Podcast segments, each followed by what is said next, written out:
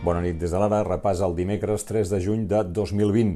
La sessió del Congrés per a la pròrroga de l'estat d'alarma ha servit perquè Esquerra, per boca de Gabriel Rufián, hagi pronunciat un discurs molt dur contra Junts per Catalunya. Por Esquerra Republicana habla y decide Esquerra Republicana, desde Bruselas hasta Martorellas, pasando por el Congreso y por el Parlamento de Cataluña. No somos los criados de nadie.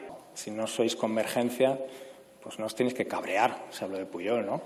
Es como si los de Ciudadanos se cabrean porque hablo de UPyD o los de Vox del PP. No, no tiene ningún sentido. Sobre todo porque conviene la unidad y que no nos peleemos. No hay que pelearse. Laura Borràs ha acusat el cop. Como el discurso de hoy del señor Rufián, que me parece innecesario, ofensivo y que mira más al pasado que no al presente y donde debemos de mirar es al futuro. Pero tenemos que ser conscientes que no podemos prescindir de nadie, que todos somos necesarios y dejar de atacarnos a nosotros mismos para, en todo caso, señalar a quien no quiere e impide, utilizando todas sus artimañas, que podamos sobrevivir como nación. I pel que fa al govern espanyol han tornat les mencions a la guerra civil i a les dictadures. Casado, yo se lo voy a decir de una manera muy clara, para no dejar dudas.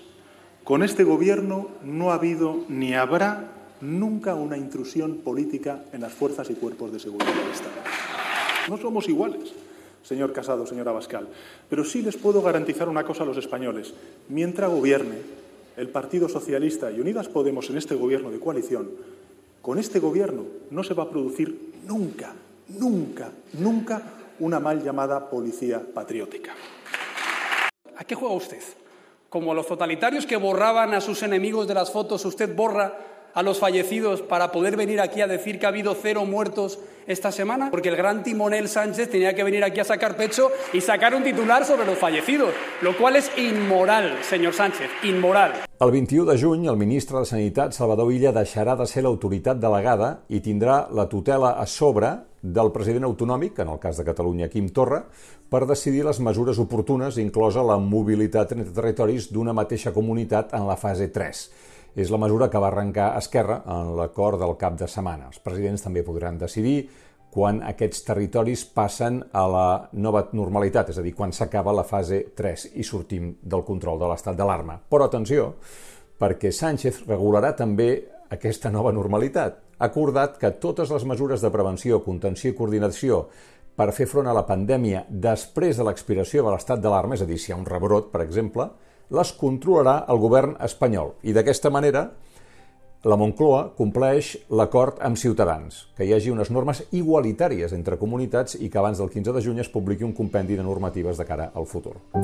Aquest dimecres, en una entrevista al matí de Catalunya Ràdio, el president de la Generalitat, Quim Torra, ha dit que el govern estudia contractar milers de nous professors. El mateix esforç que s'ha fet en, en salut. O sigui, és tri triplicar les UCIs vol dir triplicar les aules. Sí, però triplicar les, les aules sense personal? No, i això vol dir contractar personal. I s'estan estudiant. Ahir mateix el conseller Bargalló, el Consell Executiu, va començar a posar una sèrie de xifres de, de mestres que caldrà... Digue'm-les xifres mm, que s'estan estudiant justament i que per tant no li puc acabar de dir, però de milers de professors que caldrà contractar. Ha dit que perquè pugui començar el curs amb normalitat també caldrà triplicar les aules eh, i que l'emergència educativa és una prioritat. Quan eh, se li ha demanat que concreti i que dongui xifres ha dit ho estem estudiant i que el conseller Bargalló ja va fer de les primeres propostes en el curs de la reunió del Consell Executiu d'ahir.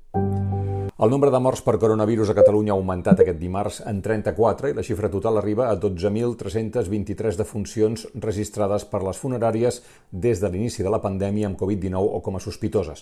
Com passa des de fa uns dies, però, les dades d'aquesta actualització no són només de les últimes 24 hores, sinó que també s'hi han comptat casos dels últims dies que no s'havien inclòs al recompte fins ara. I creix la xifra de morts per coronavirus a Espanya. El Ministeri ha informat de 63 defuncions.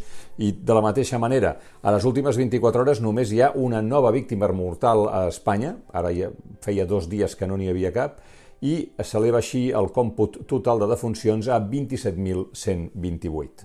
Entre les conseqüències de la pandèmia, Espanya és el tercer país del món amb més morts per 100.000 habitants, el segon país de la Unió Europea que més fons comunitaris post-Covid haurà de rebre i per culpa del coronavirus, Espanya ja acapara el 29% dels aturats de la zona euro, i això que els espanyols tan sols suposen el 14% de la població europea.